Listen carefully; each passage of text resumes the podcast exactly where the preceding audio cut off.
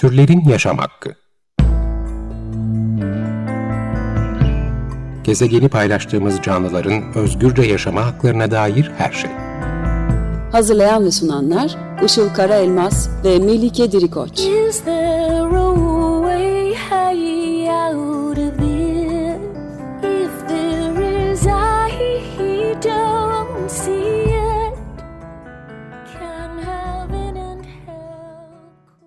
Merhabalar, 95.0 Açık Radyo'da Türlerin Yaşam Hakkı programı başladı. Ben Melike Dirikoç. Merhabalar, ben de Işıl Karaelmaz. Teknik Masa'da Selahattin Çolak'la birlikte kayıt alıyoruz. Şimdi içinde bulunduğumuz küresel iklim krizinin etkilerini günlük hayatımızda artık gözlemleyebildiğimiz bir dönemdeyiz. Bildiğiniz gibi gündemdeki en önemli konulardan biri kuraklık. Ee, geçtiğimiz Ekim, Kasım ve Aralık aylarındaki ortalama sıcaklıklar 1981'den beri ölçülenlerle kıyasladığımızda çok daha yüksek seyretti. Ee, Meteoroloji Genel Müdürlüğü'nün açıklamasına göre Türkiye'de 81-2010 yılları arasında Aralık ayı sıcaklık ortalaması 4.6 iken 2020 Aralık ayı ortalaması ise 7.2 olarak gerçekleşmiş. Bu 2.6 derecelik çok yüksek bir fark demek. E, ve Boğaziçi Üniversitesi İklim Değişikliği ve Politikaları Merkezi Müdürü Profesör Doktor Levent Kurnaz şöyle diyor bununla ilgili. 2020 senesi dünyada bütün insanlık tarihinde ya en sıcak yıldı diyor ya da en sıcak ikinci seneydi diyor. Ve tabii e, bunun üstüne bir de yağış eksikliğinden dolayı baraj doluluk oranları kritik miktarda düşünce kuraklık yeniden gündem oldu. Ve bize bir kere daha iklimin ne kadar acil bir konu olduğunu hatırlattı. Dolayısıyla bugün de iklimi konuşacağız. İki konuğumuz var. Instagram'da iklim krizine dikkat çeken e, çok güzel bir aktivist hesabın yaratıcıları, bir buçuk derece hesabının yaratıcıları. St. Joseph Lisesi 11. sınıf öğrencileri ve Fridays for Future iklim aktivistleri. Duru, Duru Barbak ve Alara Cibelek bugün konuklarımız. Hoş geldiniz. Hoş geldiniz. Hoş bulduk. Hoş bulduk. Şuradan başlayalım isterseniz. Ee, öncelikle nasıl ve neden iklim aktivizmine başladınız? Bu bir buçuk derece Instagram hesabınız nasıl çıktı? Ee, ve de tabii bunu anlatırken bir buçuk derecenin ne olduğunu, neden adını e, bir buçuk derece koyduğunuzu da açıklayın lütfen. Ben küçüklükten beri hayvan sevgisiyle büyüdüm aslında. Büyürken annem de hep çevre konusunda bana çok bilinç aşıladı. Hani mesela sokakta yerlere çöp atan biri gördüğü zaman uyarırdı. İşte çevrenin öneminden bahsederdi. Ben de dikkate alırdım. Aynı zamanda küçükken hayvanlarla ilgili belgeseller de çok ilgimi çekerdi. Bunları sürekli izlerdim. Daha sonra ben ilkokul, ortaokul dönemlerindeyken bir ara ozon tabakasının delinmesi gibi bir şey çok gündeme gelmişti. Ve o da beni çok etkilemişti bu çevre konusunda. Yani çevreyle ilgili ilk dikkatimi çeken şey olmuştu diyebilirim. Benim hikayem de bayağı yakın aslında. Ben de kendim bildim bileli hep hayvanları ve doğayı çok seviyordum. Bunun tohumlarında annemin bana küçükken aldığı ve benim de okumaya bayıldığım çevreyle ilgili, hayvanlarla ilgili kitaplar attı diyebilirim. Ayrıca çok fazla izlediğim vahşi hayvanlarla ilgili Nature Wild belgeselleri ve ailemle yaptığımız doğa yürüyüşleri de doğayı çok sevmemi sağladı. Daha sonra lisenin hazırlık yılında Alara ile tanıştık ve çok yakın arkadaş olduk. Beraber çok ortak yönümüz vardı ve sevdiğimiz, ilgilendiğimiz şeyler hep aynıydı. Bir süre sonra zaman içinde bizim çok değer verdiğimiz hayvanlar ve çevrenin insanlar yüzünden tehlikede olduğunu öğrendik. Bizim bile bunları öğrenmemiz ve farkına varmamız uzun sürdü. Bu yüzden de ülkemizdeki insanlar nasıl ulaşacak bu bilgilere diye aklımızda bir soru oluştu. Daha sonra bu konu hakkında farkındalığı arttırmak için ne yapabiliriz diye düşünmeye başladık ve aktivizm diye bir kavram karşımıza çıktı.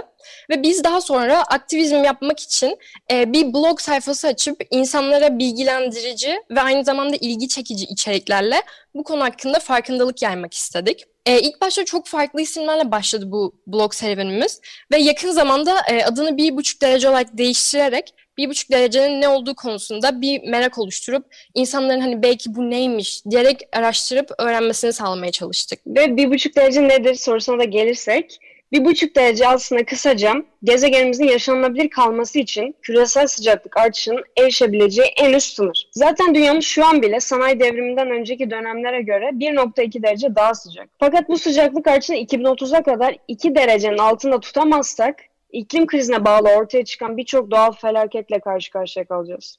Aslında bu tarz aşırı hava olayları ve doğal dengenin bozulmasının getirdiği ekosistemlerin çöküşü gibi şeyleri görmeye çoktan başladık.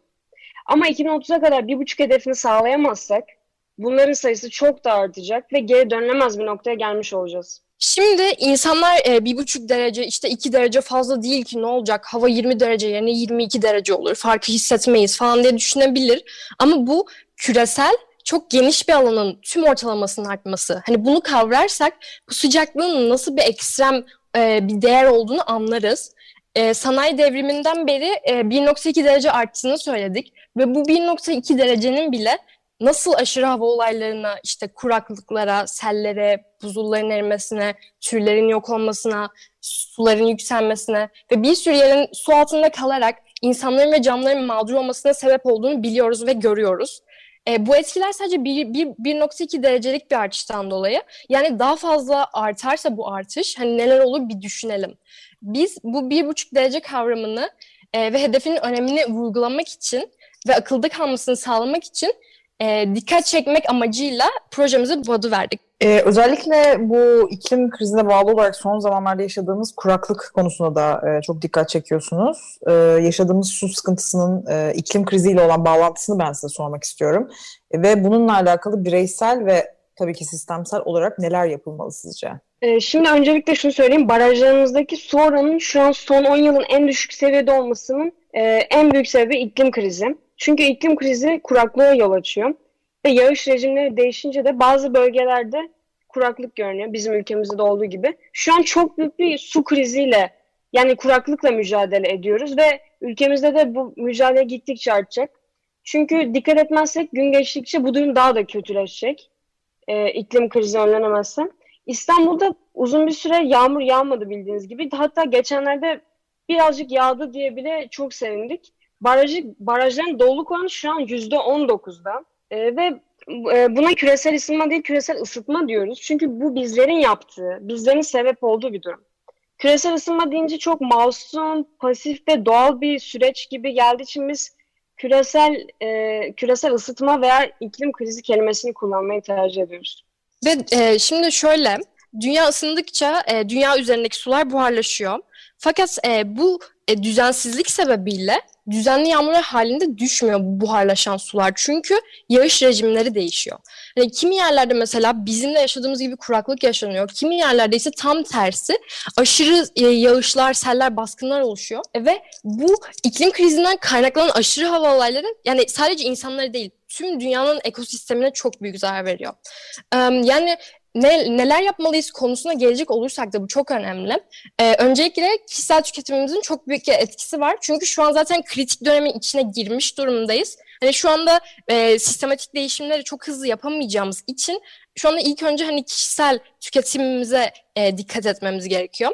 E, şu an mesela bazı örnekler vereceğim. Bunlar çok temel şeyler tabii ki. Ama su tasarrufu için yapabileceğimiz basit şeyler mesela hani suları boşa akıtmamak, e, bozuk muslukları işte sızdıran vesaire muslukları tamir etmek, bulaşık ve çamaşır makinelerini tamamen doluca çalıştırmak olabilir. Hani doğmadan çalıştırmamak. E, daha sonra işte daha kısa duşlar almaya çabalayabiliriz.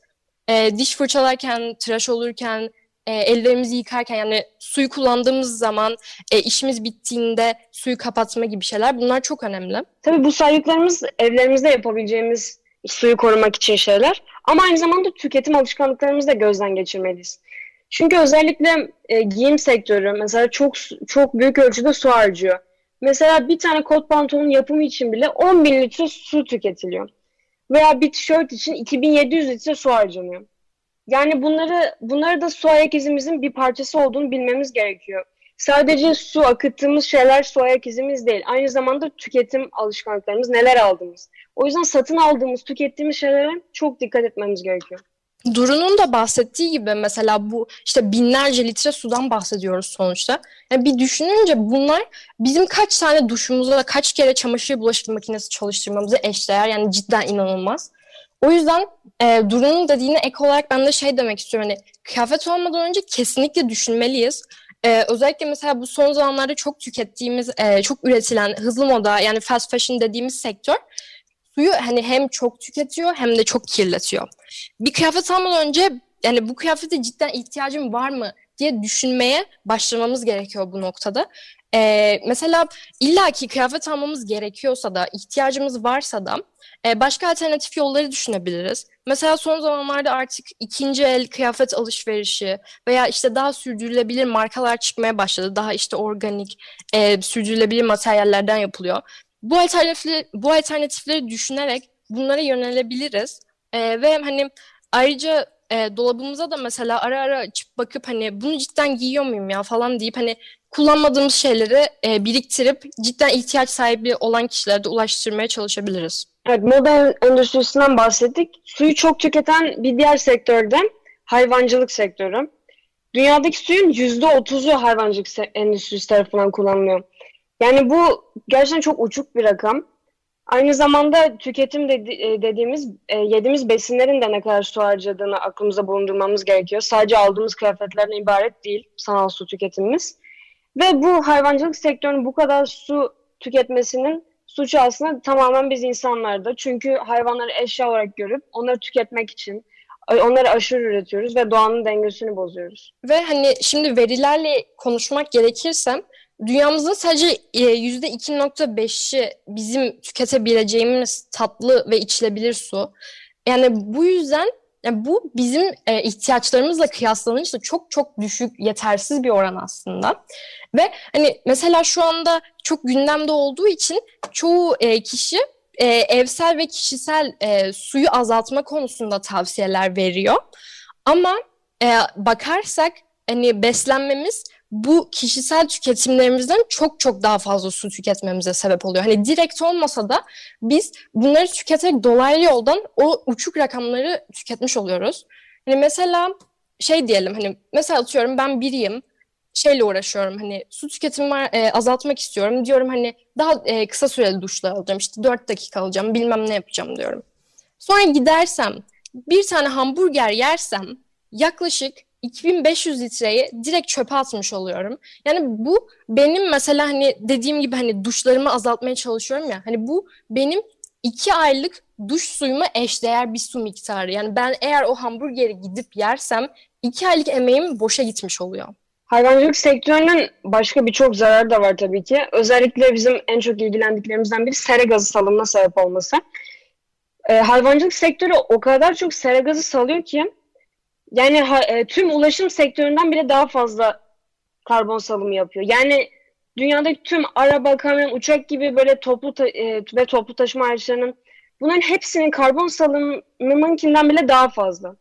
Hatta verilere bakılırsa küresel karbon salımlarının yüzde 18'inden sorumlu. Yani bu gerçekten çok uçuk bir rakam. Ulaşım sektöründen bile daha fazla olduğundan söz ediyoruz.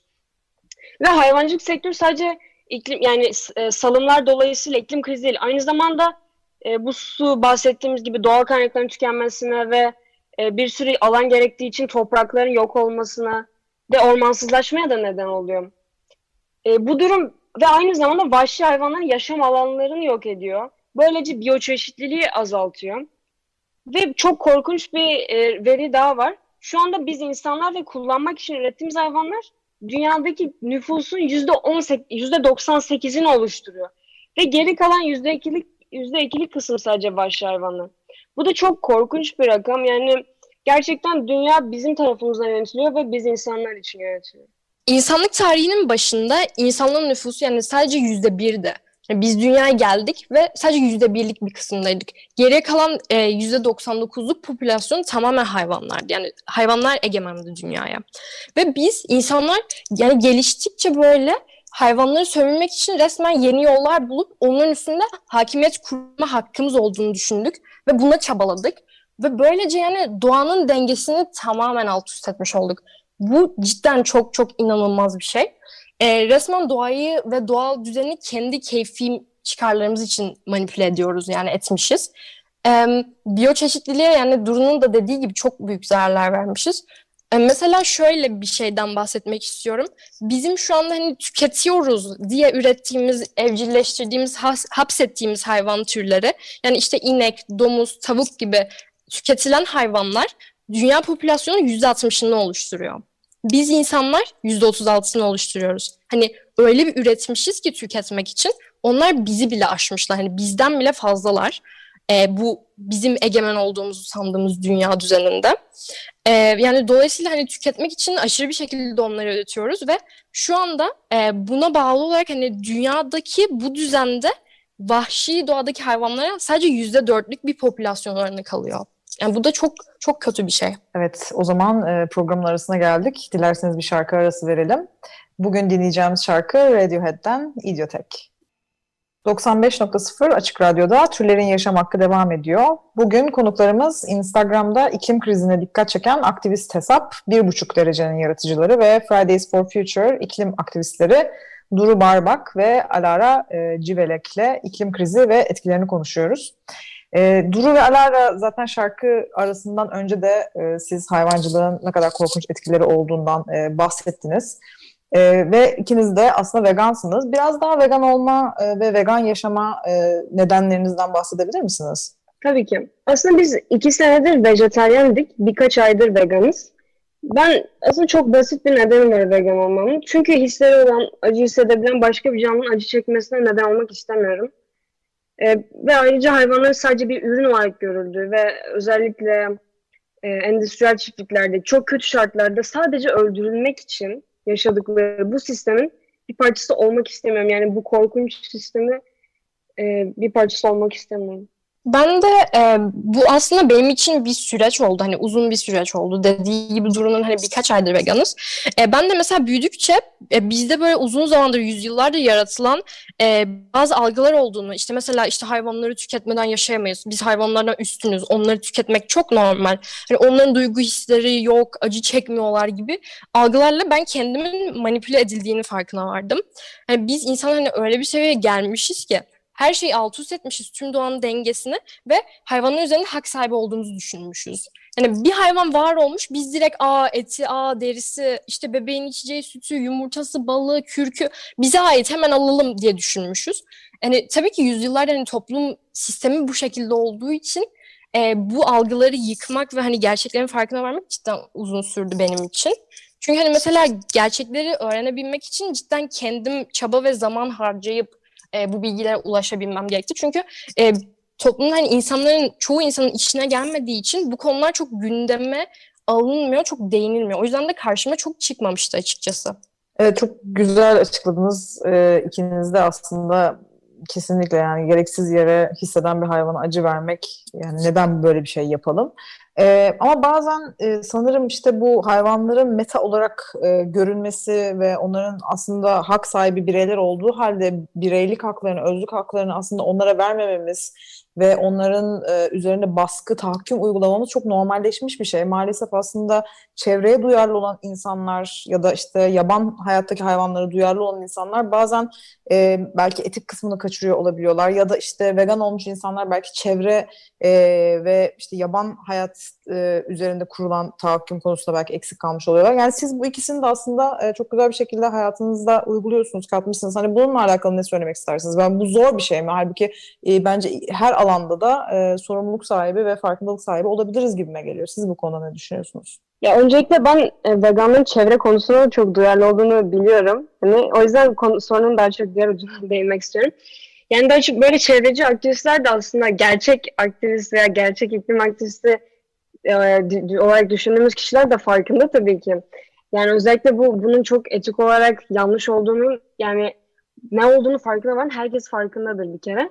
Ama şey yani böyle bu iklim hareketinde daha çok e, mesela et tüketimini azaltmaya gidin denmesinin sebebi şu. İnsanların %95'i yani neredeyse özellikle Türkiye'de henüz yani e, hem hayvanın ne, ne koşullarda yaşadıklarının hem de iklim krizi ne kadar körüklediğinin, ormansızlaşmaya sebep olduğunun, ne kadar toprak gittiğinin, ne kadar biyoçeşitlik kaybına neden olduğunu yani bu bu korkunç yani sonuçların hiçbirinin farkında değil. Ve e, bunları öğrenmek istemiyorlar. Yani bunları öğrenmelerini sağlamak için de iklim hareketine daha çok e, azaltmaya vurgu yapılıyor. Çünkü insanlar e, yani e, hemen kesmelerini istediğimizde çok reddediyorlar. Yani o yüzden e, öyle yaklaşılıyor genelde. Biz mesela kesinlikle etik açıdan hayvan tüketimini kesinlikle ve kesinlikle doğru bulmuyoruz ve yani umduğumuz şey cidden herkesin de bunun farkına varması. Ama maalesef yani şu anki toplumumuzda e, çoğu kişi hani e, etik anlayışını hakkında düşünmüyor bile, üstüne düşünmüyor bile. Biz şu anda insanları yavaş yavaş hani onları alıştırarak e, ve cidden anlayabilecekleri hani konu hakkında hiç bilgisi olmayan birinin bile anlayabilecek bir şekilde bu konuları sunmaya çalışıyoruz. Ve tabii ki dediğimiz gibi kendimiz de veganız sizin de dediğiniz gibi ve e, kendimiz e, görmek istediğimiz değişim olarak bir yönde e, insanlara örnek olmaya çalışıyoruz. Peki aktivizm yapmak isteyenlere özellikle gençlere ne yapmalarını önerirsiniz? Yani öncelikle e, şöyle başlamalılar bence. Hani iklim krizi konusunda belgeseller izleyip e, araştırmalar yapmalılar. Ve çünkü bunun sebebi de aslında aktivizmin e, amacının insanları harekete geçirmek olması. Biz insanları ortada bir kriz olduğunu hani ikna etmek istiyorsak ilk önce kendi bilgimizin e, tamamlanmış olması gerek ki biz bu bilgiyi aktarabilelim. E, daha sonra insanlara işte iklim krizinin neden ortada ortaya çıktığını, ne gibi sonuçlar doğuracağını e, aktarabiliriz. Ve biz e, şahsen ilk olarak hani yakın çevremizde bu bilinci yaymakla başladık. Ve sonrasında tabii ki yani aktivizm asıl amacı kararlıca harekete geçirmek. O yüzden birlikte iklim grevlerine e, katılmalıyız, organize etmeliyiz. Ve tabii korona şu an olduğu için de sosyal medya kampanyaları var. Onları oluşturup bunlara katılabilirsiniz. Ee, diğer iklim aktivistlerini Fridays for Future Türkiye hesabını, bizim e, bir buçuk derece hesabını takip edebilirsiniz. Çünkü küresel iklim grevleri oluyor yılda birkaç kere. Tüm ülke, e, tüm dünyada birkaç, e, tüm dünya dünyada birçok ülkede aynı anda olan grevler bunlar. Ve bunların tarihlerini duyuruyor olacağız. Ve aynı zamanda Türkiye'de yapılan yerel çevre kampanyaları da oluyor bildiğiniz gibi. Onlarla da onlarla onlardan da internetten haberdar olabilirsiniz ve destek verebilirsiniz. Yani aktivizm bir dijital bir de fiziksel olarak yapabilirsiniz. E, grevlere katılarak ve sosyal medyadan destekle kendinizde online grevlerde yapabilirsiniz. Evet, sürenin yavaş yavaş sonuna geliyoruz. 95.0 Açık Radyo'da Türlerin Yaşam Hakkı programını dinlediniz. Bugün konuklarımız Instagram'da iklim krizine dikkat çeken aktivist hesap 1,5 derecenin yaratıcıları ve Fridays for Future iklim aktivistleri Duru Barbak ve Alara e, Civelek'ti. Onlarla iklim krizini ve etkilerini konuştuk. Duru ve Alara tekrar çok teşekkür ederiz geldiğiniz için. Teşekkür ederiz. Biz teşekkür ederiz. Biz çok teşekkür ederiz. Türlerin yaşam hakkı ile ilgili öneri ve yorumlarınız için e-mailimiz turlerinyasamakki.gmail.com Dinlediğiniz için teşekkürler. Haftaya görüşmek üzere. Görüşmek üzere. Türlerin Yaşam Hakkı Gezegeni paylaştığımız canlıların özgürce yaşama haklarına dair her şey. Hazırlayan ve sunanlar Işıl Karaelmaz ve Melike Dirikoç. Is there